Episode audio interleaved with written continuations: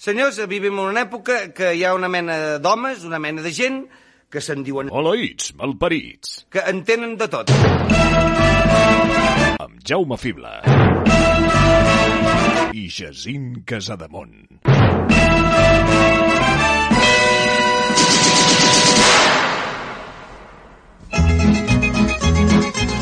Quiero la noche, quiero, quiero la noche de amor.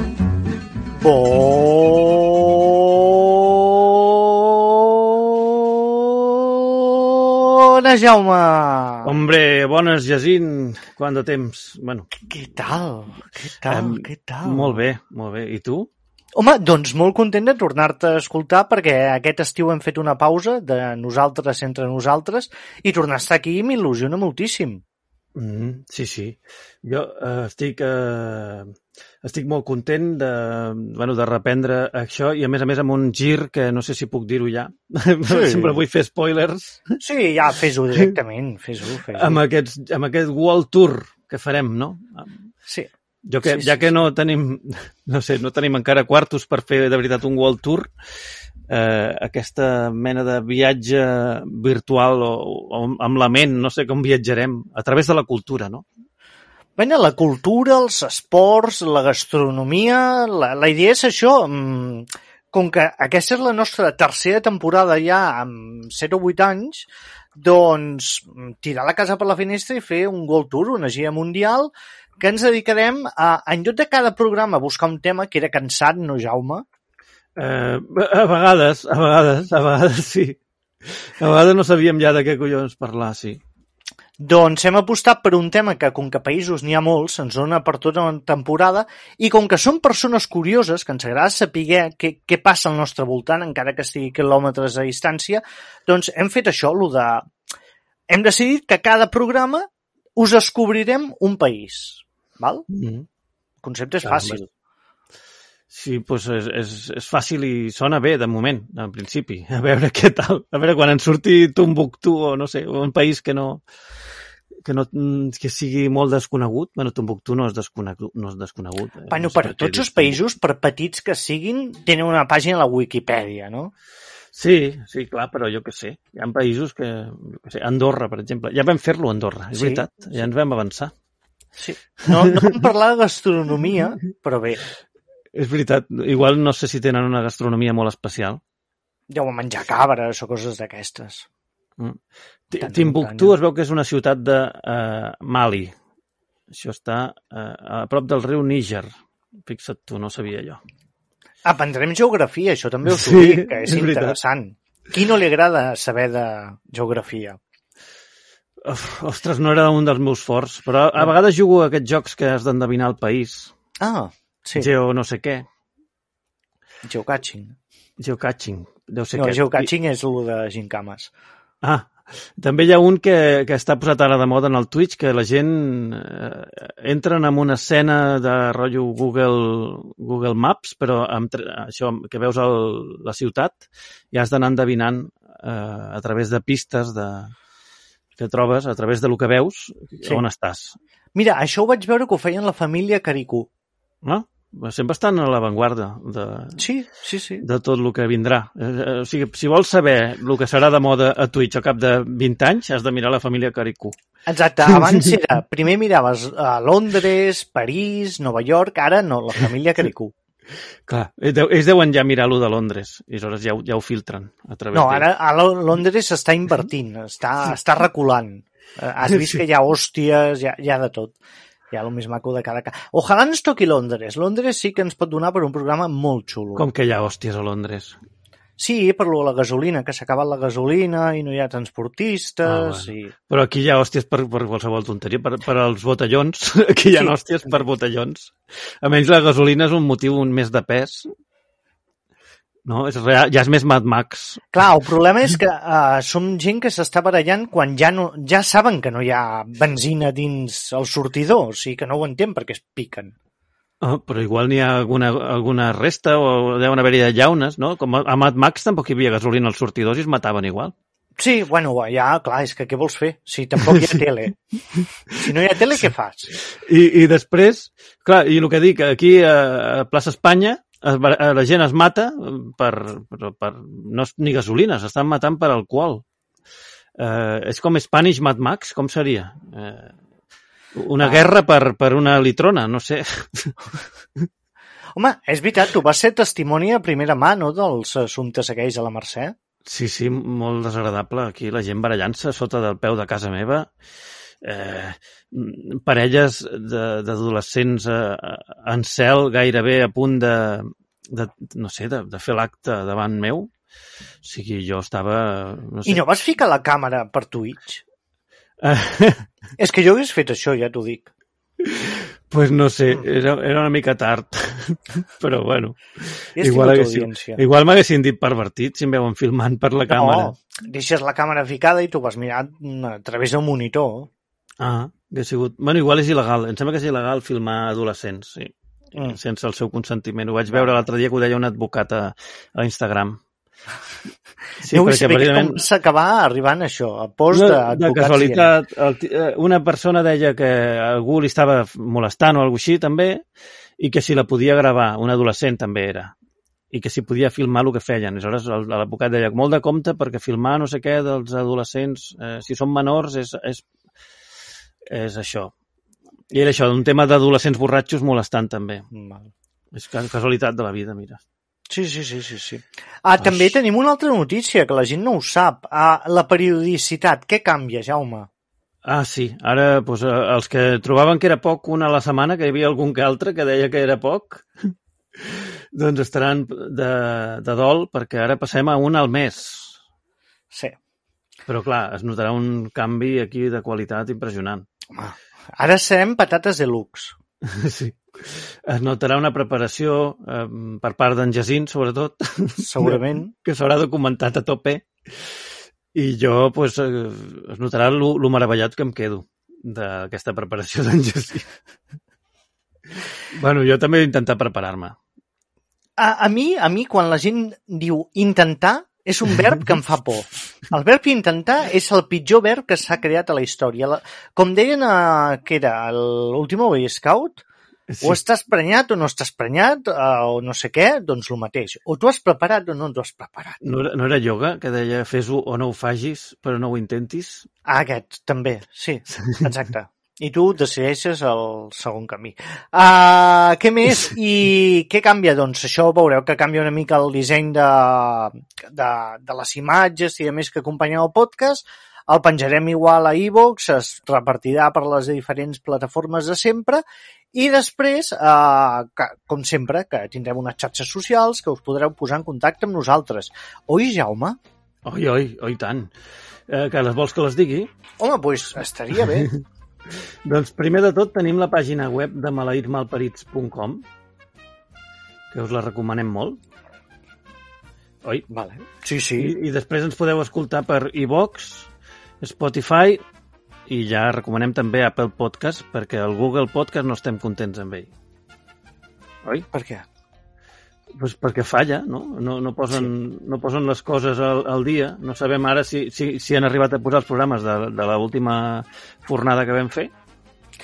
Sí, hem tingut problemes, sí. Això és cert. Doncs així que ens centrem en la pàgina web, que és malaïtsmalparits.com, és lo principal, i en allà també ja us explica les altres formes de, de veure'ns i escoltar-nos, iVox, Apple Podcast, Spotify.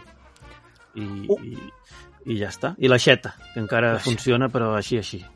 Sí, la xeta també hem pensat donar-li una volta i segurament tot el contingut serà gratuït.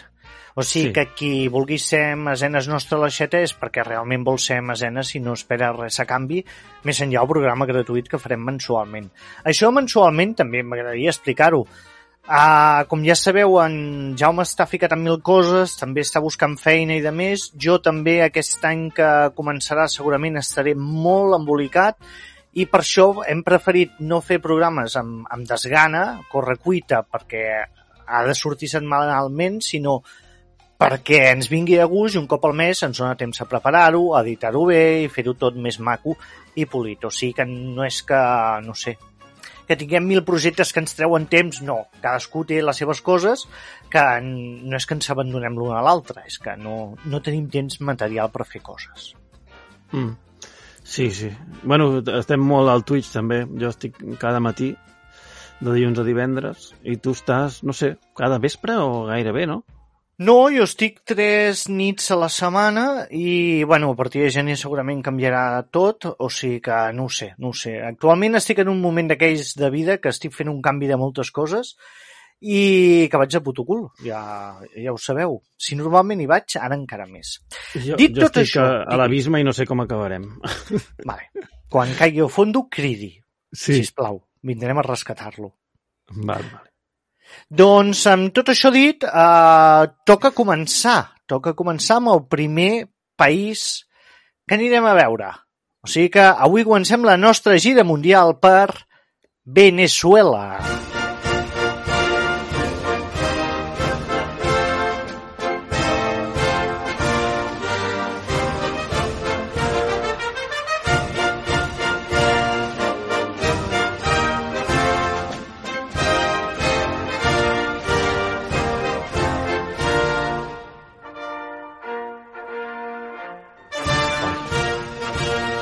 Doncs vet aquí, estem a Venezuela. Venezuela, tu saps on te surt aquest nom?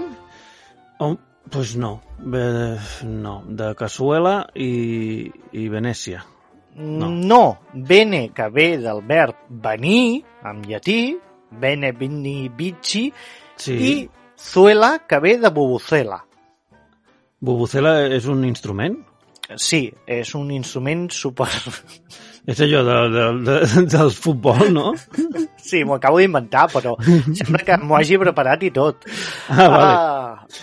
Ah, en veritat tampoc podem dir que es digui Venezuela, que en català com seria? Venezuela? Venezuela, sí. Sí, Venezuela. Doncs no saps d'on d'on- ve el nom? D'on te ve? De Petita Venècia. Ah, Està Clar, format per al sufix diminutiu suela, derivatiu del llatí olus, que vem, veiem en paraules com casuela, asuela i sarsuela. anava a dir sarsuela. Sí. Eh, eh, diu Ah. que, que el va descobrir Colón, aquest país, també. Bueno, però no, no t'avancis, ja has vist el guió que explico això a Colom. Sí, però, però per, què, per què diuen que ho va descobrir Colom? Com si, com si no existís abans de Colom al país, no? Sí, sí. Bueno, descobrir... Uh, és des... Descobrir és descobrir. O sigui, Sí. no crear, descobrir. És una cosa que hi és i tu dius, hòstia, doncs hi és. Però els que hi vivien ja l'havien descobert abans. No, ells no tenien consciència de que hi havia alguna més enllà. Ah, bueno, bueno. Clar, clar.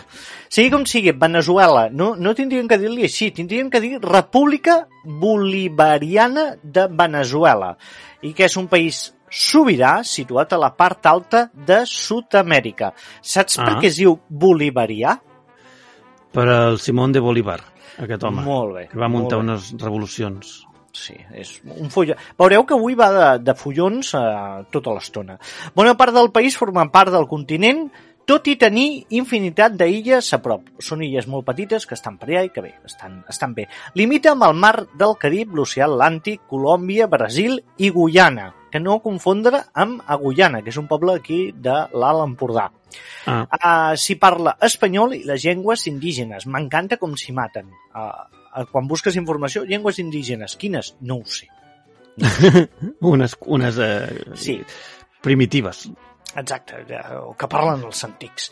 Quanta sí. gent hi cap allà? Actualment hi ha 28,5 milions de persones, o sigui que sí. tampoc és molt gran el país. No. I no estan gaire contents, no, últimament, el que sembla. Bueno, hi ha merders que per tres també. Sí, tens raó. La moneda és el bolívar i el fus horari és el UTC menys 4. Em sembla que a Canàries deu ser el menys 1. És menys Ah. 1, no? Una hora menys. Ah, doncs sí. Una hora, però clar, almenys un comptant que nosaltres som els que tenim l'hora B. A Espanya és més 1, si no Ah, recordo malament. Espanya és més 1. El 0 deu estar cap a Portugal. Ah, Oh, pues no sé. doncs estan 5 o 6 hores menys. Sí, Podem preguntar a la. Siri. A veure, un momentet, Siri. Espera. A veure. La secretària. ¿Qué hora es en Venezuela? No, espera't que no m'ha entès. ¿Qué hora és en Venezuela? Les 7 i 20 del matí, a Caracas. Hòstia. Pues són moltes hores, Això sí. vol dir 8, 9, 10, 11, 12... Van 6 hores enrere de l'hora que estem gravant nosaltres. Bueno, sí que sí. Ah, clar, és que la gent tampoc sap l'hora que estem gravant. Estem gravant sí. que són la 1 i 20 minuts, amics. Sí. Del migdia, del migdia. I per últim, recordar que la capital de tot plegat és Caracas, que és un nom Caracas. que sempre m'ha agradat. A mi també. Caracas, Maracas... Caracas, Caracas, Caracas, sí, dona ganes de ballar, sí. Ara que ja sabem quatre coses sobre el país, anem per la seva història, que serà la secció que sempre faré jo, fer un repàs per tota la història del país, des dels seus inicis fins l'actualitat. Estàs preparat, no? Jaume? Què? Serà, serà espès. S- Seré... Què? Si serà espès, serà una cosa espessa que, que Ah, sí, sí, et sortirà sí, fum sí. del cap. A, a veure, us resumeixo la història de tots els països de, de, del món i de l'univers, que és, hi ha hagut moltes guerres. Mm. Es podria Vaja. resumir així. No hi ha cap país pacífic que No, hagi no tingut tinc una història de cap. no guerra? Cap. Clar, per fer fronteres has de tenir guerres. Això sempre passa. Ah. Sí, sí, és així. És el que falla aquí, no?, a Catalunya. Que... Encara més guerres, bueno, no sé. Guerres n'hem tingut de sobres, però no... sí, no, però que, que no, no les van fer gaire bé, no? No, és que no en sabem de fer guerres. Nosaltres Sí. som de fer manis, manis pacífiques, i així ens Nosaltres sabem, sabem morir. Sí, exacte, exacte. Perdre, perdre i morir, perdre i morir. Sí. Tindria que sortir a l'escut d'armes de Catalunya. Com Bueno, ja l'himne ja és això.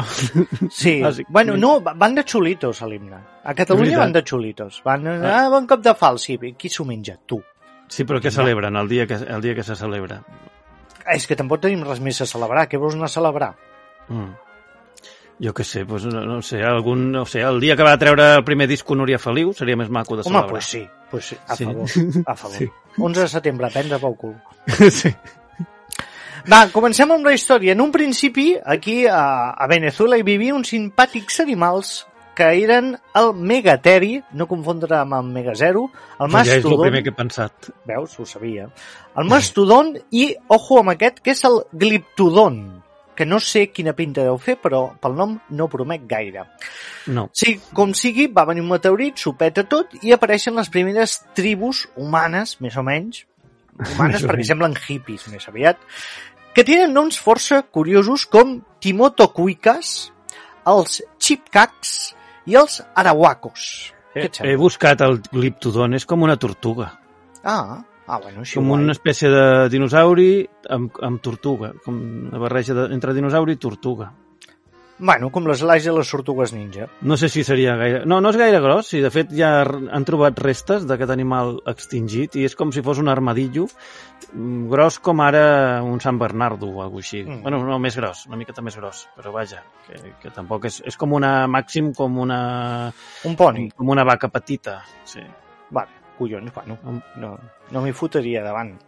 No. Bueno, i què feia aquesta bona gent que eren indígenes? Doncs es passaven el dia fent ceràmiques, intercanviant petxines i fent coses d'indígenes que no sé quines són, però ja em deien que era això. Però, amic, eh, què passa, estimat Jaume, quan parlem de Sud-amèrica i la seva història?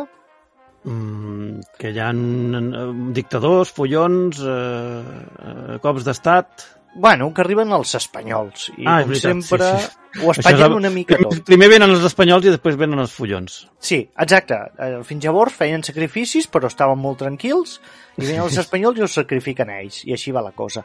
Cristóbal Colom eh, veu la costa de Venezuela a l'1 d'agost de 1498.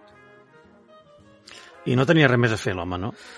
Mm, bueno, no, era... ah, Jo suposo que volia fer un reality, però no existien les càmeres, que seria un reality viatjant pel món i tal, però sense càmeres. Mm. Escrivia llibres. Tot ho feia per vendre llibres, Cristóbal Colom. Però va escriure alguna cosa? Home, algú devia escriure, no, no cardem.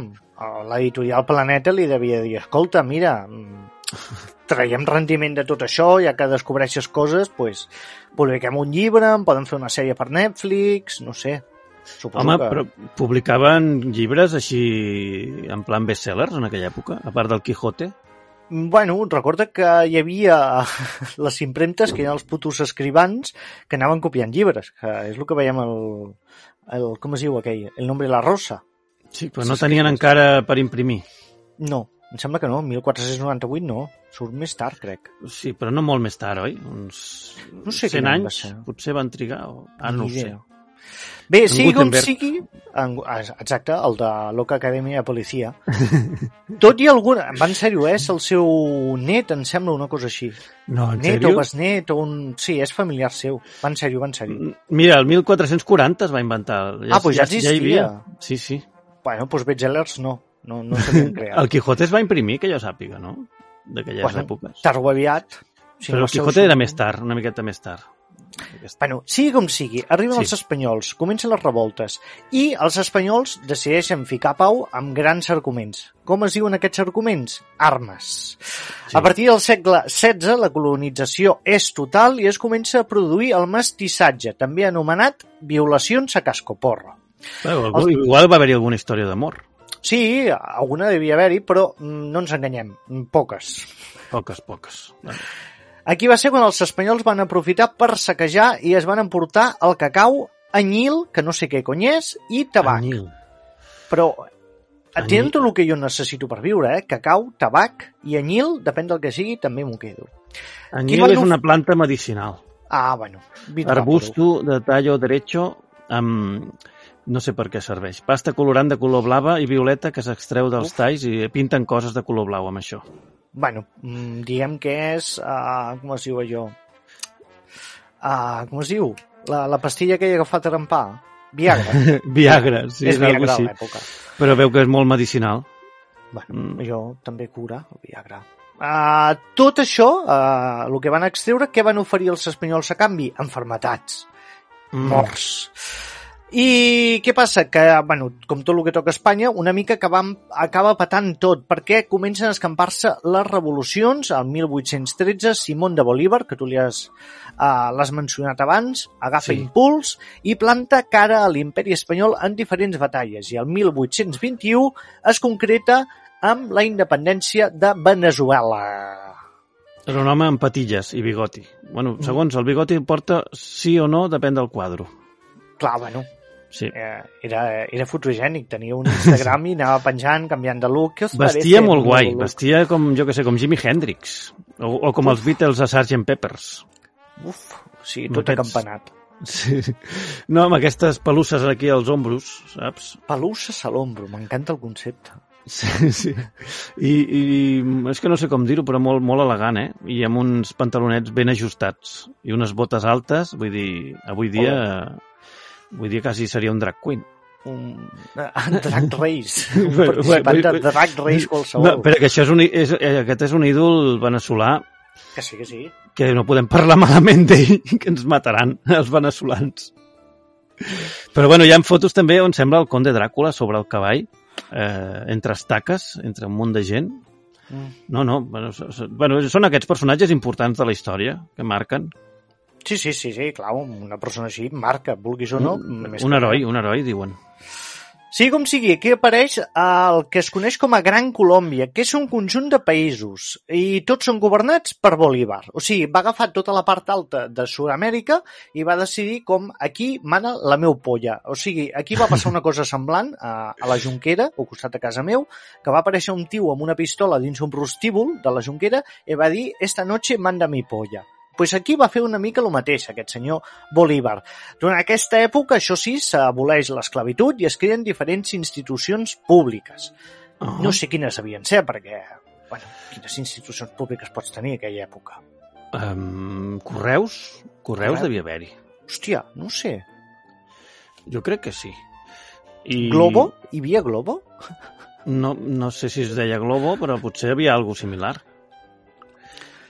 De pringats que, que han de portar el Sí, menjar això per segur. als rics sempre n'hi ha hagut. Sí. Digue-li Globo, digue-li esclavo. Sí.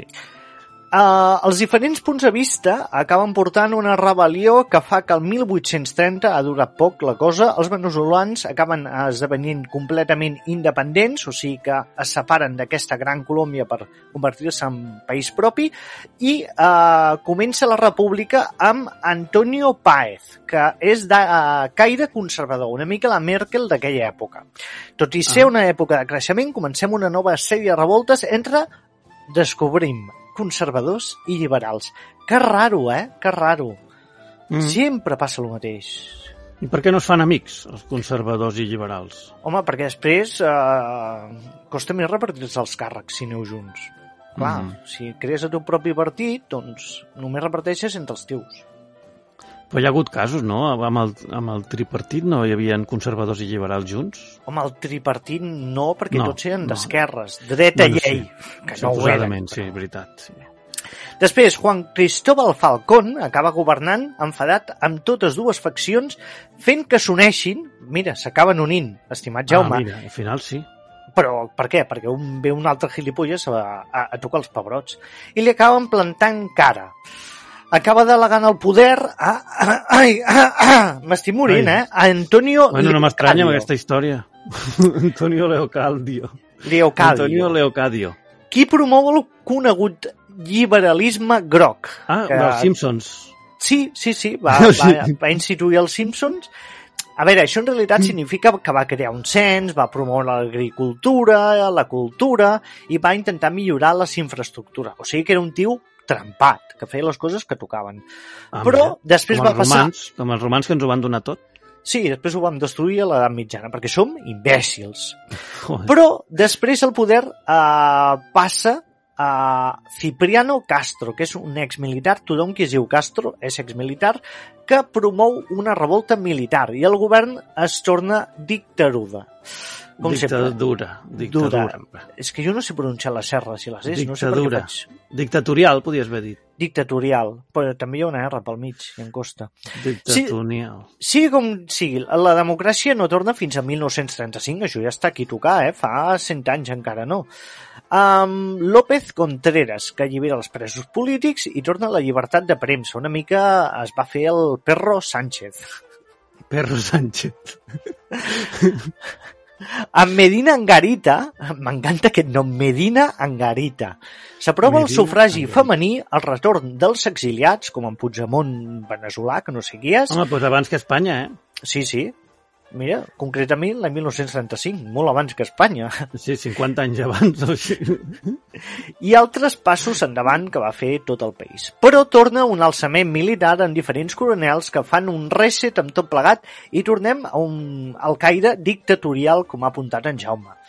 Què passa? Que Collons. finalment es convoquen unes noves eleccions, però al veure que guanyen les esquerres, què passa? Uh, doncs que tornen a fer una dictadura. Exacte, que suspenen les eleccions. Això és tradicional. perdent. Sí, o sigui, la dreta diu, va, ens hem d'obrir una mica, fem eleccions, presenteu-vos. Ui, no, que guanyeu, fora. Tornem a la dictadura. Mm. Vet aquí que comença un règim amb el suport dels Estats Units, el tenir interès en tot el petroli que hi havia per allà, tot i que desenvolupen noves infraestructures i el nivell de vida puja, tot i que amb moltes restriccions governamentals. Una mica Mm. com va passar amb l'aperturisme del franquisme. Vindria a ser, perquè es feu una idea, Però això. aquí no teníem petroli, no? No, però nosaltres estem molt ben situats i per això interessava Espanya. Ah, I també el pernil. I el pernil, home, als Estats Units maten pel pernil. sí. Va, ja tenen aquell ham, que és escarós, no ho proveu, que, que ben llaunat. A Ai, finals sí, dels 50 tenim noves revoltes i un, un grup cívic militar convoquen unes noves eleccions però sense cap partit d'esquerres amb opcions. O sigui que una mica una altra patranya. El petroli passa a ser el motor econòmic del país i el país comença a bascular diverses vegades en èpoques de bonança i recessions. Lo, Ah, com la sèrie aquella, no? Bonanza? Bonança. Bonanza. La van fer per TV3? Jo crec que sí. Bonança. A TV3 hi havia una època que ens feien La Gran Vall, també, una sèrie d'aquestes Uf. d'aquest estil. Era més antiga que Bonanza, crec. Ja, ja devia ser blanc i negre. Um, no, no. Bonanza sí ho era, no? En blanc i negre? O... Va començar al principi en blanc i negre i després va passar color. Oh. Ah, Pues- és que va aguantar no sé quants anys, eh, Bonanza. No sé, TV3 a més, ho ha més tot. Sí, bueno, tot, tot no. Arribant tot plegat a una forta crisi econòmica el 1994 i és llavors quan acaba governant el nostre estimat Hugo Chávez. Arriba al govern l'any d'esquerres. 1900... As- Què? Que seria d'esquerres, per fi, no? Sí. Que no els hi deixaven mai tenir esquerres. Sí, però també entenem aquestes esquerres com les esquerres comunistes de Sud-amèrica. que mm. té un punt també bastant dictatorial. Arriba el govern a l'any 1998, crea una nova Constitució i renova tot el poder públic amb un 95% de socialistes. Malament rai. Això vol dir que hi ha trampa, no? Home, ni ho dubtis. El nom canvia, ja no és Venezuela, sinó República Bolivariana de Venezuela. Ah. I adivineu què passa aquí? Uh, un cop d'estat. Clar, més protestes i un cop d'estat amb un govern provisional. Comença a governar Maduro a... Uh, uh, què, què, què diu aquí? Però ja s'ha mort Hugo Chávez? Uh, bueno, un mort, mort, no ho sé, no ho sé, perquè aquí passa a ser un secundari ja, perquè arriba aquest, Maduro, que fa tres legislatures i a la última resulta que fan eleccions i queda empatat a vots amb Juan Guaidó, que és aquell tio que recordareu que sortia als informatius que tots els fatxes li donaven suport. O sigui que sí. imagineu que bon tio deu ser. Molt bon deu ser quan tots aquests són fans d'ells, sí. Això és l'any 2019, Guaidó s'escapa del país per potes, el conflicte es torna internacional... Per què s'escapa? Mig... Perquè va guanyar? O, perquè, perquè segons, va empatar? Uh, segons ell, perquè el, el govern que hi havia en aquell moment no accepta la seva derrota i no el deixen governar, una cosa així era. Ho he simplificat ja, però això moltíssim. no queda molt demostrat, tampoc. No, clar, perquè se suposa que és una dictadura socialista comunista que, que ja, però no fa trampes. em sembla que aquí està en què el, el Maduro té la dictadura comunista i l'altre vol la dictadura de dretes, no? Bàsicament.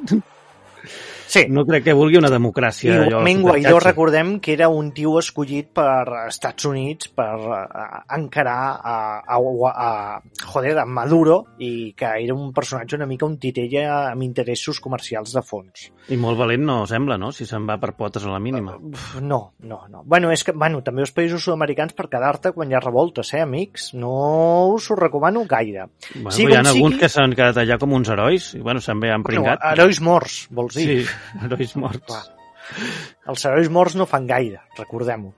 No. I total, que tenim mig planeta que està a favor de Maduro i l'altre a favor de Guaidó. I, amb, I el seu país, en concret, pues, també estan bastant dividits, a veure si és millor un o l'altre.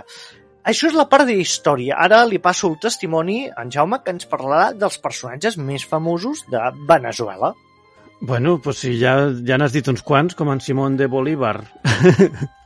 I has dit també la, en, en Guaidó, que també és un bastant famós, i en, en Maduro, que són els més famosos últimament, però hi ha altres personatges encara més importants, com Boris Izaguirre.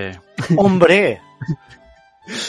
presentador de televisió, guionista, escriptor també, se suposa, articulista, no sé quantes coses fa, i també stripper en el programa sí. de Cròniques Marcianes. Que és el que pel, tothom el recorda per això. Ara s'ha convertit com una espècie d'emblema de, i jo ho recordo per això. Sí, per, per despullar-se. Sí, clar. Jo, sí, jo clar, era un nano innocent que mirava cròniques marcianes i apareixia aquell tio que a la mínima es treia els pantalons i passejaven calçotets per damunt de la taula. Bueno, I sense calçotets, jo crec que es va treure també el cacauet, també el va ensenyar, eh? Hòstia, jo no recordo això, gràcies sí, a Déu. Sí, sí. El cacauet va, va, va estar per allà regnant a les nits de màxima audiència. I... Però, Clar, ara, ara és com respectat, no? És com que sí. fa un borrón amb això. Guanya premis literaris, va a tertúlies uh, cultes, no sé. Sí, fa un posat tot seriós, com si fos, es creies a Sánchez Dragó. O... Sí, es fa, es fa fotos apujant la cara a, a, a la mà, que això és molt d'autor. Ah, sí? Bueno, és com un reverte, ja. Bueno, no, reverte sí, té més mala no, hòstia. És, reverte és la, la part obscura. Sí, sí Dr. Jekyll, Mr. Hyde, uh, Dr. Reverte i Mr. Uh, Boris. Mr. Boris. Hosti, seria boníssim que fossin la mateixa persona i es transformessin. Home, jo mai els he vist junts. sí. Doncs eh, diu que expressa el seu art comunicatiu en el diari El Nacional de Caracas, on escriu frivolitats, en plan una columna social, una columna mm. de, de, del cor, i després ha continuat treballant al País, Fotogrames, Marie Claire, a la revista Gay Zero, Zero. Sí. I eh, va declarar, fa més de 10 anys va sortir de l'armari. Eh, perquè Què dius? Que, sí. Veu que no ho havia dit. Surprise. Surprise. No, bueno, suposo que ja ho devies haver sortit de l'armari quan feia allò de la tele, no? Sí, T'imagines que, sí. que no, que en realitat era super hetero i feia el paper i al final s'ha convertit sense voler? Home, hi ha, hi ha hagut casos així, sí, clar. Uh, aleshores, en fi, que també ha treballat amb en Franzino a la cadena SER i es va convertir en fenomen mediàtic amb en Cerdà, el Cròniques Murcianes, aquest, Sí. i, i va passar per diversos programes després amb poca audiència. Aleshores eh, va, to va Channel, tornar... Channel 4, me'n recordo.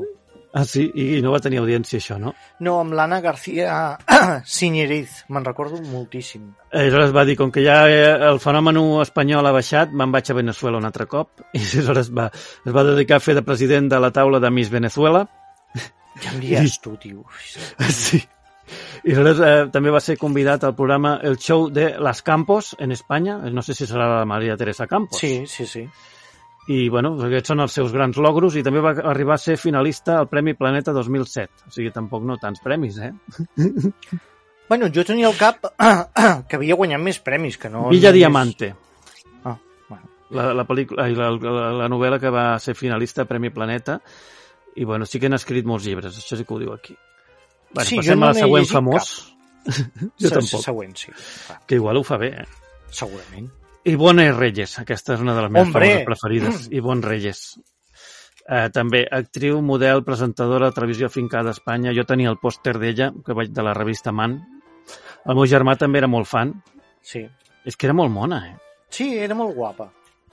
Sí, i li van donar també la nacionalitat espanyola. Per cert, que el Boris Izaguirre també la va aconseguir.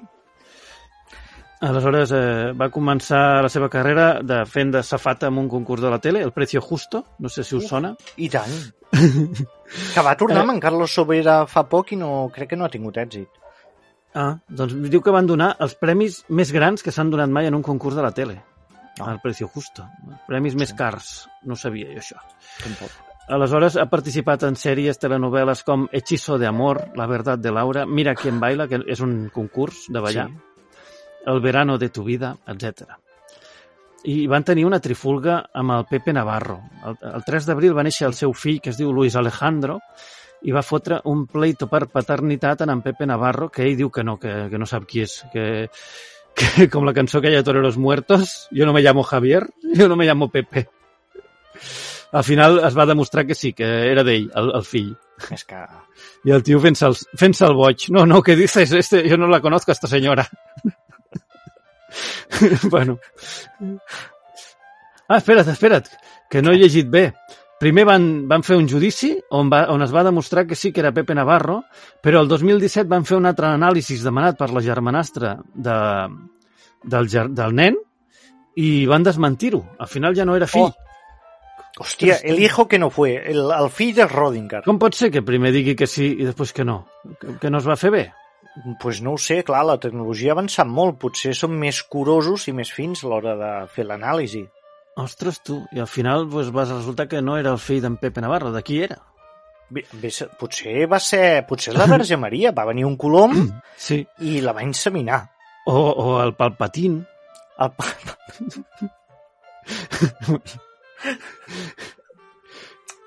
A veure, al marge dels tràmits filials, És que m'he Eh. imaginat en Palpatín cobrint a Ivonne Reyes. sí, és una mica... Ja li agradaria.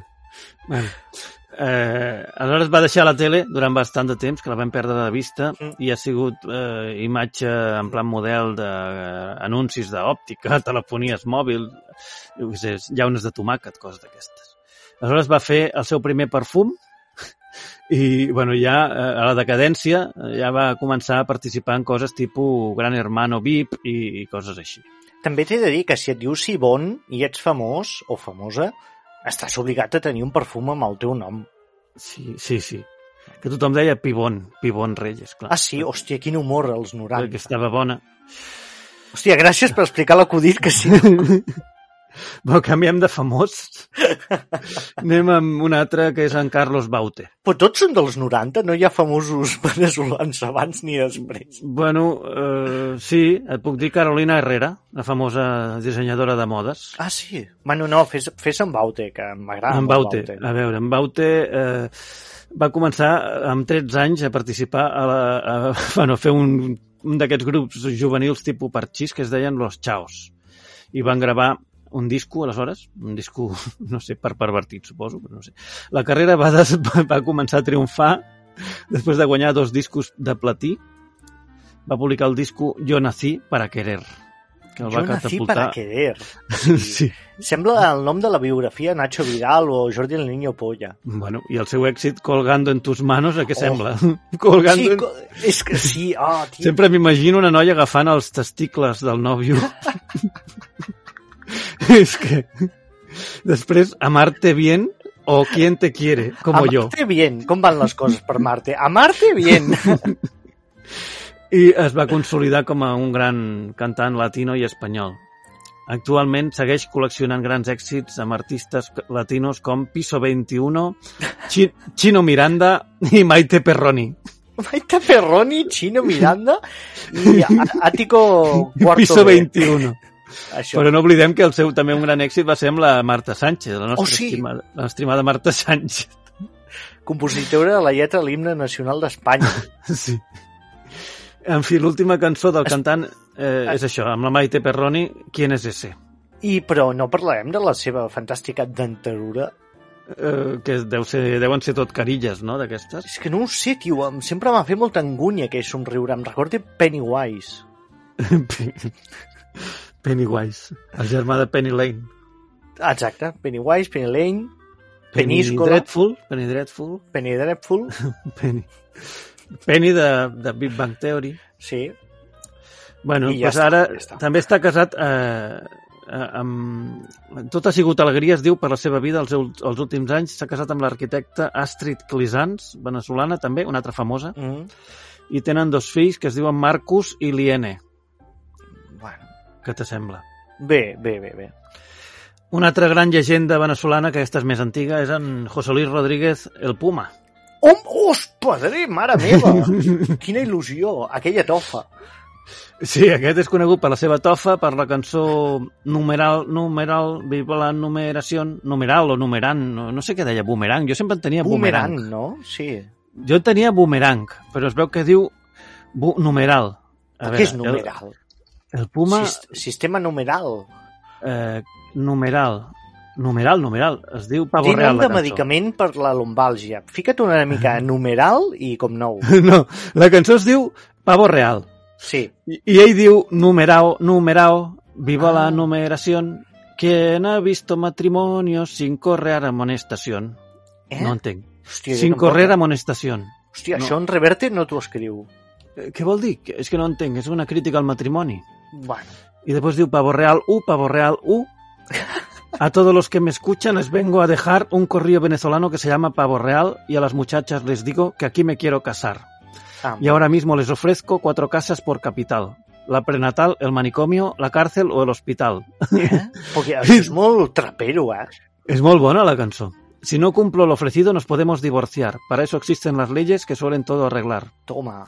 Y a usted, mi joven, le ofrezco una ganga en casamiento. Mi vecina la menor es más pura que un convento. Us, padre. Y por eso yo le advierto, no me la venga a tantear. Això és molt tèrbol, eh? No es radio en demostración ni instrumento de troca, ¿eh? Viva la numeración, quien ha visto matrimonio, y ya está, ya está. Això és la Però per lletra. què celebra la numeració? O sigui, ens explica una història costumista i de cop i volta celebra la numeració. No entenc la, la numeració. Después parla dels negros. A todo negro presente yo le voy a aconsejar que combine los colores que la raza es natural. O sigui, que busqui, que es, que es mescli, que es, mescli, que, vagi, que es liï amb una blanca. Com completament Diu- cancel·lat. Que un negro con una negra es como noche sin luna. y, y un blanco con una blanca como leche y espuma. O sigui que incita al amor interracial. Mestissatge, vinga. Todo negro, pelo recio, con rubia se ha de casar. Para que vengan los hijos con plumas de pavo real. Què? Sí, Hòstia, sí. Si juntes una rossa amb un negre, surt un, un pavo real? Sí, un nano amb plumes. Un Boris Izaguirre. Sí, Boris Izaguirre, sí. Ja sabem d'on surt Boris Izaguirre. El origen de... de... Bueno, pues gràcies a, al Puma va néixer Genesis Rodríguez, que és un altre personatge famós de, de Venezuela, que és la seva Mhm. filla. Ah, vale. I què va fer? És una actriu molt guapa i va, pro- va protagonitzar la pel·lícula Casa de mi padre amb Will Ferrell. Oh, No sí, si és vist. horrorosa. és bastant difícil de tragar, però fa, fa gràcia. Que existeixi la pel·lícula fa gràcia. Bueno. És la pel·lícula on Will Ferrell es va empenyar en fer tota la pel·lícula parlant en castellà. Sí, bueno, tio. en veneçolà. Pues... I surt el Diego Luna, no? O, en, o l'altre. En, en, en, Sí, ja sé què vols dir. A l'altre, que no és en Diego Luna.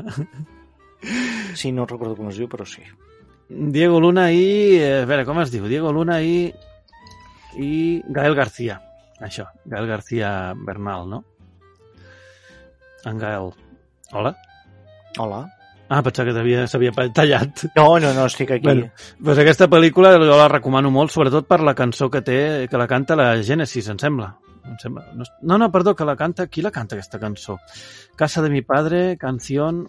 No la canta el mateix Will Ferrell? O, o la... O la... El Will Ferrell, és veritat, sí. Bueno, però aquí diu Javier Bru, la casa de mi padre. Ara no sé, ara ja m'està... Tampoc, Ara ja no sé si tampoc patirem.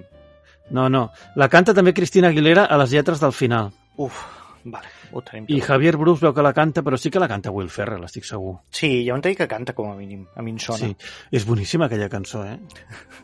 Bueno, Però bona, bona. Bueno, és igual. Eh, bueno, un altre famós, el Simón de Bolívar, el podem comptar com a famós, sí. com a líder polític i militar més important de la història per la profunditat del seu pensament i la seva gran estratègia militar que va derrotar els espanyols en sis nacions, que potser molta estratègia no feia falta, però sí, pensar mínimament i ja va aconseguir-ho, no? perquè per derrotar els Un espanyols... Charles Xavier. Sí. Després eh, va sobresortir per als seus talents com intel·ligència, voluntat, abnegació... O sigui, un geni, no sé. I un vestuari, tu has dit. Vestuari, sí, sí. I bé, doncs ja està. Carolina Herrera, empresària i dissenyadora de modes, una de les dones més importants en el camp de la moda, no? tan famosa com la Coco Chanel o d'aquests. A l'any 1981 va fundar la seva empresa i va fer el seu primer espectacle de moda. I bé, va- va, té un estil refinat, una visió artística caracteritzada pel bon gust, l'elegància i, i la veneçolanitat, oh, collons, la veneçolanitat expressada amb la seva alegria i positivisme, diu aquí. Sí, vamos, m'ho transmet sempre. Quan la veig, dic, hòstia, quina veneçonalitat m'està irradiant. Va fer el vestit de nòvia de Caroline Kennedy i Mm. també va ser, és la dissenyadora personal, o va ser de Jackie Kennedy. Sí, L'any aquests vestits 1986 va fer la marca Carolina Herrera tant per homes com per dones i una línia de perfums, calçats i accessoris dels quals jo m'he posat per almenys un pot de colònia molt- Mm. d'ell, d'ella i, i crec que alguna camisa. Bueno, és En que ella es va fer famosa sobretot pels trajes jaquetes, si no recordo malament, que fins Ah. llavors les dones no en portaven, i ella va començar a crear la tendència, que és amb això de la, de la Kennedy, que va començar a ser com un estàndard. Ah, estàndard. Després, eh, bueno, total, que ara els últims 20 anys està dedicant-se a vestir les primeres dames d'Estats Units i a diferents celebritats de Hollywood, quan hi ha premis. Eh? Passem al següent famós que he seleccionat, que igual no he, no he triat el millor de, de Venezuela, no, no, eh? està bé, està bé, és variat. Actriu i supermodel Patricia Velázquez, la coneixerem Hombre! per La mòmia 1 i Sí. 2, Sí, que era molt guapa, eh? Aquesta sí que era Molt. guapa, la més guapa de totes les que hem dit. i tant. Eh, va néixer a la Guajira venezolana. La seva mare ve de la tribu indígena colomba venezolana Guayú, eh?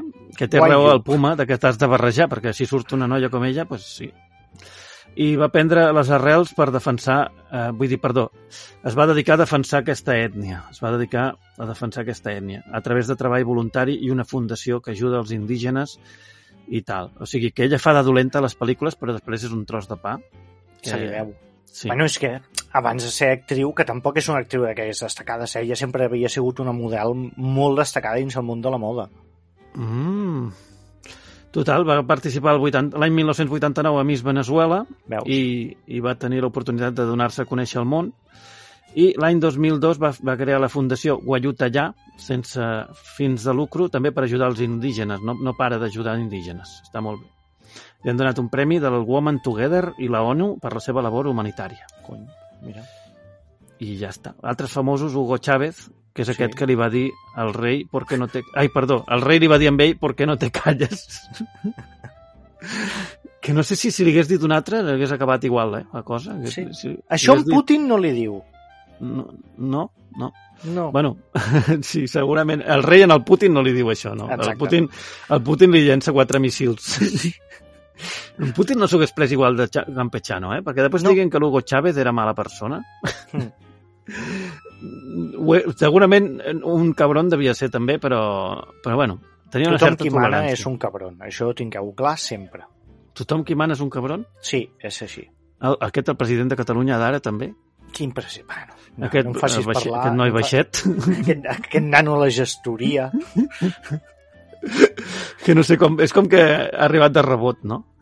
Bueno, bueno, no, eh, me callo, me callo. Saps l'en... Uh, com es deien aquells? Uh, Pinky Cerebro? sí. Pues ell és en Cerebro, Ah, i en Pinky? en Junqueras. En Pinky és en Junqui. Sí que s'assembla una mica, sí.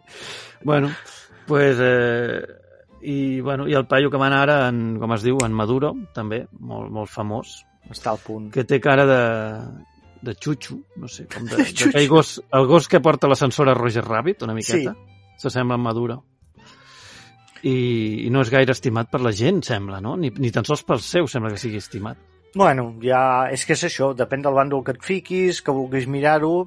Nosaltres no entrarem a valorar els líders mundials perquè imagina que entrem en un conflicte català-veneçolà. I no, no, No, no.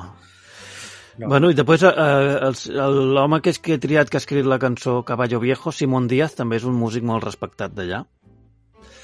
Eh, bueno, però ja no sé si vols que segueixin més famosos. No, no, no, ja si ho vols sé. ja, ja entrem a la part gastronòmica, per gaudir una Ah, mica vale, vinga. i omplir la, Sí. la panxa.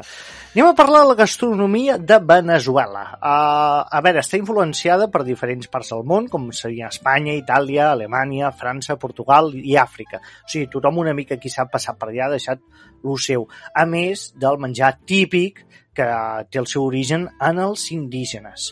Anem a parlar Mm. dels plats concrets. Uh, el més conegut segurament és les arepas. Què són sí. les arepas? Estan fetes a base de pasta de blat de moro en forma circular i després fiques una mica el que et surt de la polla allà dins, vale? Les arepas és una base i després com la coca recapta, com les pizzas, és exactament el mateix. Com les empanades. De... Sí. Sí, Arepas. Jo això n'he menjat. Jo, jo n'he menjat. Segur. A Barcelona n'hi ha moltes. Ah, Normalment- Sí, sí. Ah, En un parell, només una vegada o dues, eh? N'he menjat, no creguis. Vaig menjar-ho a, a la Rambla del Raval. Mm, que raro.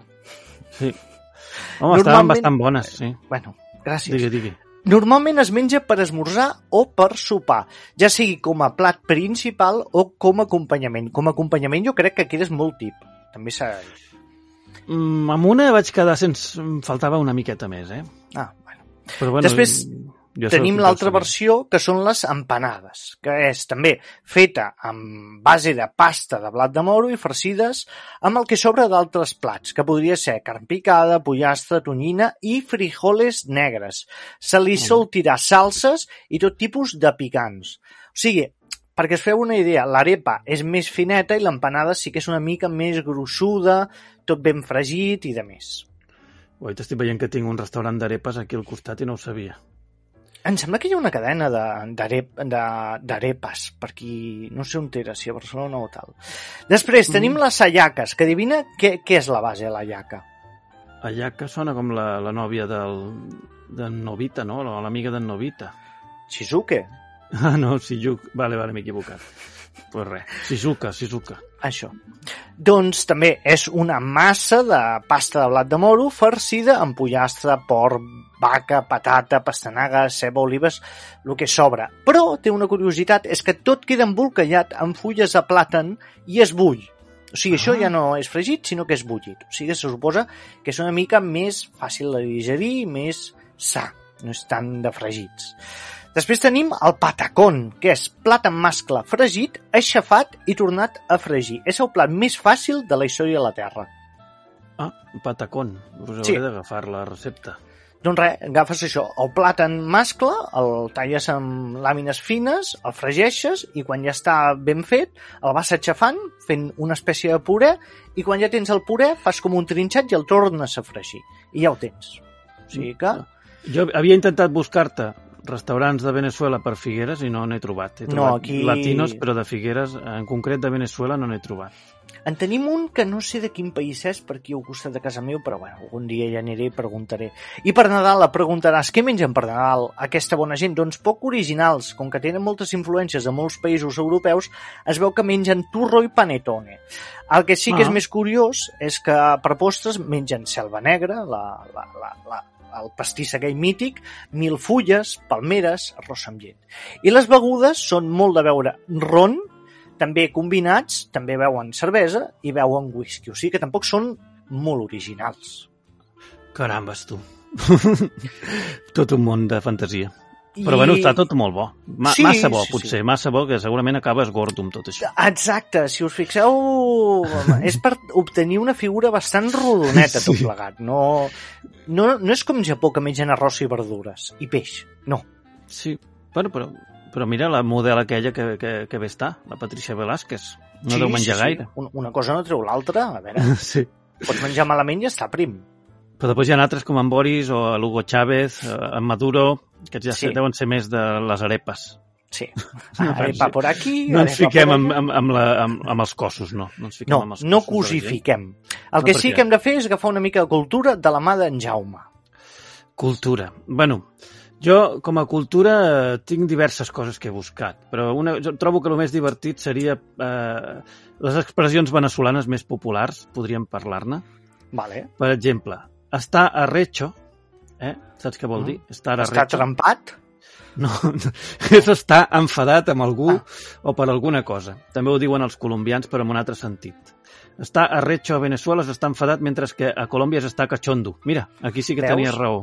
Sí, Em sonava.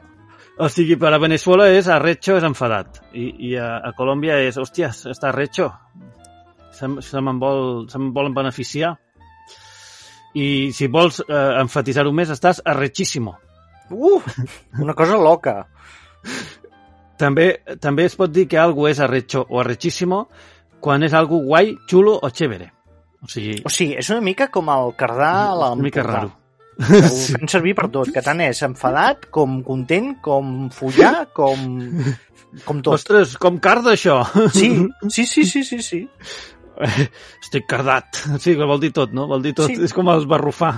Sí, sí, sí, el cardà és el barrufar de, de, de l'Empordà.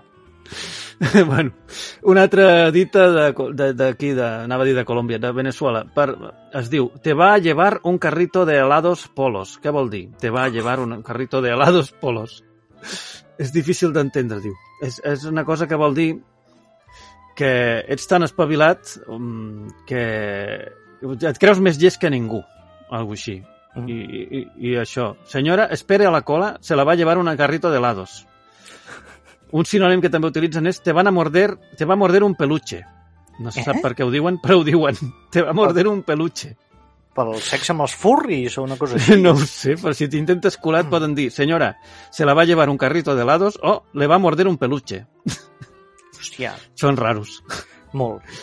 Tener violín. Tener violín és quan... et- Saps el que pot ser? Tenir Tens un diners. violín? Te- No, és quan et fa pudor el sobaco, que et Què canta. dius? Ah, Tener violín. Jo havia sentit que a Mèxic diuen te chilla l'ardilla, quan et fa, te fa, quan et fa pudor. genial. Sí. Te chilla l'ardilla quan et fa pudor el sobaco. Però el tener violín no l'havia escoltat, està bé també. Pe- Pedir o dar la cola és eh, pues, demanar que et portin en cotxe a algun lloc. Eh? Mm. Pedir Vale. o dar la cola. Jalar les boles. Què seria jalar les boles? Hòstia puta, un, una subcategoria de Pornhub. em sembla que és eh, quan algú li està fent la pilota a algú. Quan ah, està xuplant el cul o fent la pilota. Vale. És jalar les boles. Bueno, ja, ja, ja té una mica, no? De xupar Sí, les boles. sí.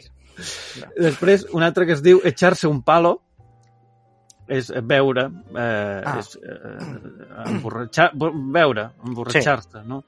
Eh, ve, ve de l'època de l'esclavitud en què els espanyols es negaven a pagar els seus esclaus amb monedes de plata i els hi donaven pals de fusta Hòstia, que generosos. amb un segell per intercanviar-los per menjar.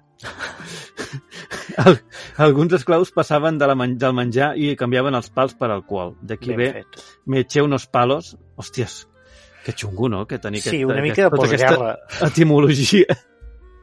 Un altre és mamar gallo. És, eh, saps què vol dir mamar gallo? Mamadera de gallo. No. És quan li fots una broma, li has pres el pèl, el pèl a algú. Ah, mi mamá es el gallo. sí. Echarle pichón. Què pot ser echarle pichón? Ah, ficar-hi ous. Més o menys, sí. És ficar-li ficar ganes amb alguna cosa, no? Ficar-li esforç amb alguna cosa. Això ve de que quan treien l'aigua amb unes bombes d'aigua que havies de, de fer així una palanca, eh? Mm. i eh, això es deia, el, el fet de moure la palanca, en anglès és push on, Hòstia pressionar, puta. i de push on va venir pitxón. I d'aquí va quedar echarle pitxón. Hosti, quines coses. Aquí també tenim aquestes coses rares. Va, que ja queden només un parell, ja, per lo Tranqui. que queda. Eh, echarle los perros algú, què seria? Ah, bueno, dir-li el nom del porc o alguna així. No, és, és una cosa positiva. Ah, Què pot ser? no sé, intentar follar-te'l. Tírale los perros. Tirar los tejos, sí, es tirarle los trastos. los trastos. Le tiras los perros. Y después, sé una ladilla. Ser ladilla, què, és? A ser, com es diu allò, un, un aprofitat. Un pesat, un pesat. Ah. Deja de ser ladilla. Me tienes ladillado. Són frases molt habituals a, a Colòmbia. Ah, ja, perdó, a Venezuela. Ara se m'ha anat la Ui. capa. Perdoneu, perdoneu. Doncs, uh, si ja hem fet Bueno. això, la cultura popular, a base de Bueno. les frases fetes, digues. Sí, si vols podem, puc dir-te alguns pintors i coses, però vaja, o coses Va, de... va, digues noms. A veure, mm, tenia per aquí uns pintors com ara... eh, Ai, Déu meu. Hi ha diversos escriptors, ensagistes i poetes d'importància com van ser Andrés Eloy Blanco, Rómulo Gallegos, Lu- Luis, Bel Luis Beltrán Prieto Figueroa, et sonen? Arturo. Uslar Pietri, Miguel. Otero Silva, Tampoc. Mariano Picón Salas, Tampoc, no? José Ramón Pocaterra, no? tampoc. i grans científics com ara eh, la primera vacuna de la lepra que la va, la va, la va trobar Jacinto Convit. Convit, no. hòstia, ves que no fos una derivació de... bueno, amb Baruch, ben, hòstia, Baruch Benacerraf, aquest era de Venezuela, amb aquest nom, pues també va, va tenir el Premi Nobel de Fisiologia. O sigui, són gent molt preparada, eh? I No en música... ni un, però bueno. Eh, Sí, amb música la, la gran pianista venezolana Teresa Carreño. Eh, jo què sé. El merengue, la cúmbia, també són coses que venen d'allà. Eh, Mm. Instruments com les maraques, Les marques de Machín. hombre. Eh, I jo què sé, gastronomia ja ho has dit tu, que hi ha moltíssimes coses. Artesania n'hi ha molta també, fan moltes Si no ho coses forcis, no forcis. Si, si no tenim que explicar, no ho expliquem. Sí, Sal- sí, sí. Saltem una altra cosa, com per exemple els esports. Ah, vinga. Anem, uh, quin diries que és l'esport més popular uh, aquí a Venezuela? Uh, a Venezuela l'esport més popular, la petanca. Doncs no, és el beisbol. El beisbol és Ah, sí, ja l'esport passa a Cuba també. Sí, més important que tenen, uh, més celebrat, que tenen més figures. També destacaríem el bàsquet, el futbol, el vòlei, el tennis, l'automobilisme, que no ho sabia, la Ah, doncs boxa... Tinc un amic de rugby. Venezuela, ara que ho penso, un conegut amic, que jugava a béisbol. Ah, Ara m'ho recordat. L'havien d'haver entrevistat. Pel pròxim programa no ho farem. El rugby, el surf, l'alterofília o esports aquàtics. Però si anem a parlar del més important, és sens dubte el béisbol, i d'allà han sortit de Venezuela diferents esportistes, eh, beisbolistes, per dir-ho d'alguna manera, que han anat a jugar a les grans lligues americanes. Tenim, per exemple, a Àguiles de Zulia, que va jugar al Bravos de Margarita, Cardenales de Lara, Caribe... Ah, no, perdó, perdó, al revés. Els equips més importants són Águilas de Zulia, Bravos de Margarita, Cardenales de Lara, Caribes de Anzoátegui, Leones. Anzoátegui. Anzoátegui, Leones de Ca- del Caracas, Navegantes del Magallanes, Tiburones de la Gua, Guari, Guaira, Gaire. Guaira, Guaira de, de l'Algaida i Tigres de Aragua. Aragua. Aragua. Aragua. Sí, I però després- bueno, que, que vaya noms, no? Sembla que et vagin a matar. Hòstia puta, són molt complicats. Aquí hi ha el Paralada, el Siurana, tot, tot és més fàcil. Els jugadors més populars, ara sí, de, que han sortit d'aquí a Venezuela són Miquel Cabrera, que va jugar al Marlins de Florides i als Tigres de Detroit, Omar Vizquel, que surt, uh, va, va jugar... Està bizco. Vizquel. Mariners de Seattle, Indies de Cleveland, els gegants de San Francisco i Luis Aparicio, que va jugar a les mitges blanques de Chicago, a l'Oriols, que aquest he flipat Aquests són catalans. Sí, Oriols de Baltimore. Baltimore. Els mitges vermells de Boston, que aquests sí que són superconeguts, però tenen dos esports propis que només es juguen allà, com són el coleo de toro, que vaig buscar un vídeo de què anava tot això, i és el jugador va pujar damunt d'un cavall i persegueix a un brau, a qui li ha d'estirar la cua fins que aquest cau a terra. Fins que el brau cau a terra o fins Sí. que cau a l'home? Bueno, el que passi primer. Home, és una mica de, de... patrocinat per PETA, no? Molt escarós. Vaig estar-ho mirant, primer, que està molt mal gravat, i segon, que bueno, a, a, aquest patiment a les pobres bèsties no té cap tipus de sentit. Allà estan molt emocionats amb aquest esport, però ja us dic que la veritat no val gaire la pena. I Però veig que deuen trigar, bueno, deu, deuen estar lluny de, de plantejar-se de, de, de cancel·lar-lo, no? No he buscat si hi ha polèmica al voltant d'això, però bueno, que jo crec que ja va siguin hora de que s'ho plantegin. I després hi ha un joc que segurament et sona, que són les boles crió criolles que he buscat i és bastant, bastant semblant a la petanca. Veus com la petanca jo sabia que algú feien per allà? Veus? Jo Però no ho deia perquè sí. Boles criolles i em sembla que té alguna petita diferència amb les normes i tot això, però és molt semblant. Una pilota petita i tu tires altres boles per intentar tocar la del mig. Mm. O sigui que ja hem fet el recorregut per tot Venezuela. Em sembla que us ha quedat clar una mica tot com funciona, no, Jaume? Sí, sí, molt meravellós. I esperem que us ho hagueu passat bé, però abans d'acabar, primer, recorda les xarxes socials? Sí, aneu a la web Maleïts Malparits i allà teniu... Allà, allà ja us ho diu, però també podeu escoltar-nos per via iVox, que és el més important, perquè és el primer lloc on ho pengem, no? Sí. iVox, Google Podcast... Ai, que aquest no, aquest no funciona gaire. Anem a Apple Podcast i Spotify. Apple Podcast, Spotify i iVox serien els principals. L'ús principals. Los, les, els, l'ús principals. Les principals maneres d'escoltar-nos i també teniu la pàgina web de l'Aixeta que serveix bàsicament per ajudar-nos i també, jo que sé, ens podeu ajudar enviant-nos un xec a casa directament. També. No, no us direm que no. També us recordo que aquest any hem tret un còmic que podeu comprar a la nostra pàgina web, a la pàgina web d'Underbrain i altres Ah, sí? llocs com algunes llibreries concretes, que bueno, que si ho compreu també ens esteu ajudant i a més teniu lectura i cultura. I ja per acabar, eh, perquè mm, després explicarem el que passa amb la cançó aquest any, he de fer una cosa. Tinc davant meu un generador aleatori de països. O sigui que clicaré un botó i ens sortirà el lloc on anirem a portar el nostre proper bolo, el nostre proper programa. Estàs preparat, Jaume? Eh, sí. Això va en sèrio, que ho faràs ara sense sí, sí, ho estic trampa? fent, ho estic fent, t'ho juro. vinga. Un, dos, tres i... Eslovàquia. Hòstia, República Eslovac. no sona molt un, un destí turístic molt desitjat. No, O sí? la veritat és que pel nom no promet gaire. Mm, això no era un país de Marvel? No, no. Uh, bueno, hi ha algun que s'assembla, però vaja, uh, no sé, sona com país que ha estat en conflictes també. Sí, sí, sí. Recordem que tot el que fica república davant normalment hi ha hagut conflictes. Sí, Eslovàquia. O sigui que pel proper programa ah, farem el mateix, cadascú tindrà una secció on te repassarà un ítem d'aquell país i us descobrirem la història d'aquell país. Anirem a fer el bolo en aquell país. I per bueno, acabar, bueno, he fet una ullada ràpida i està molt bonic, eh? És un país Promet. molt bonic. Sí, sí. tot molt verd. Sí. Uh, Jaume, com funciona aquest any la, la cançó final? Doncs bé, agafarem una cançó veneçolana, un, un, un, un estandard no? del país, Mm -hmm. o de cada, bueno, no veneçolana, de cada programa farem una cançó important del país, una cançó que representi una miqueta el país.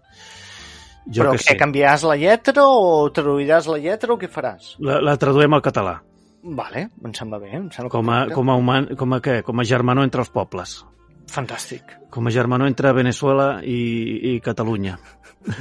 I què ha tocat avui? Jo he agafat la cançó Caballo Viejo de Simón Díaz, que així buscant, buscant, eh, he vist, hi havia vàries, hi havia una altra que era com un segon himne del país, però no m'agradava molt el rotllo himne, eh, que, que, es, que es considerés quasi un himne no m'agradava. I Caballo Viejo era de la, potser la tercera cançó més important o més coneguda, de les més conegudes d'allà.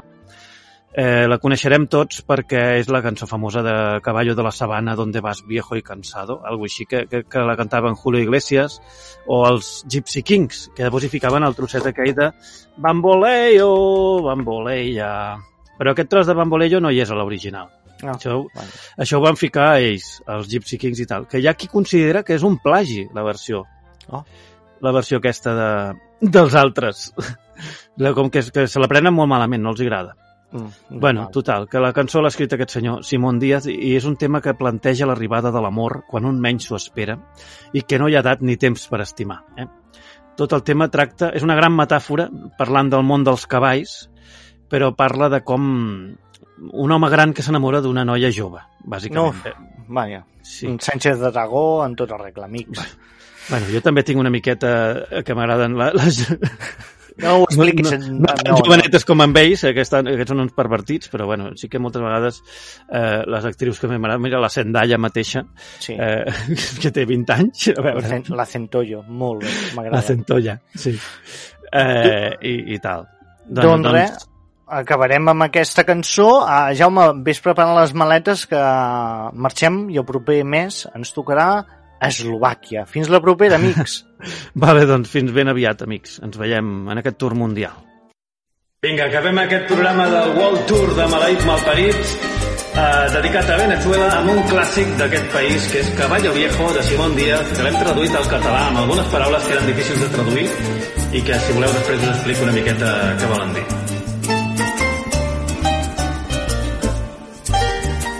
Ai, quan l'amor arriba d'aquesta manera un mateix ni se n'adona el carotal reverdeix i el guamanxet ja floreix i la soga es rebenta. Ai, quan l'amor arriba d'aquesta manera, un mateix ni se n'adona. El carotal reverdeix i el guamanxet ja floreix i la soga es rebenta. Cavall li donen sabana perquè està vell i feixuc però no se n'adonen que un cor que està amarrat quan se li solten les regnes és un cavall desbocat. I si una aigua castanya, cavall vell es troba un dia, el pit se li desferma i no fa cas a la corda i no obeeix a frens ni l'aturen falses regnes. Bé, eh, sabana es refereix a donar descans al cavall. Quan un cavall el dones, el retires perquè ja és gran. I el carotal és un bosc, una zona de Venezuela. També voldria explicar-vos un acudit veneçolà, per exemple. Uh, mira, aquest acudit que diu així. Un dia un americà, un francès i un veneçolà discuteixen sobre la, la tecnologia avançada que té cada un dels seus països, no? Aleshores l'americà diu, en el meu país, tu apretes un botó i puf, ja estàs veient la lluna. Després arriba el francès i diu, en el meu país, tu apretes un botó i puf, ja estàs veient el planeta Mart. I per últim arriba el veneçolà i diu, al meu país, tu trepitges una pell de plàtano i puf, ja estàs veient les estrelles. Fins aquí aquest superacudit veneçolà que he buscat a Google. Seguim! Ai, quan l'amor arriba d'aquesta manera, un mateix no té cap culpa. Estimar-se no té horari ni dates al calendari quan les ganes s'ajunten. Ai, quan l'amor arriba d'aquesta manera, un mateix no té cap culpa. Estimar-se no té horaris ni dates al calendari quan les ganes s'ajunten. Cavall li donen sabana i ja té el temps comptat i marxa de matinada amb el passet apressat a veure la seva poltra que el té ben arrocinat. El poltre temps el temps dona perquè li sobra l'edat. Cavall vell no es pot permetre perdre la flor que li dan, perquè en acabar la vida ja no hi ha oportunitat. Gràcies, Simon Díaz, per aquesta bonica cançó. Un aplaudiment. Ei!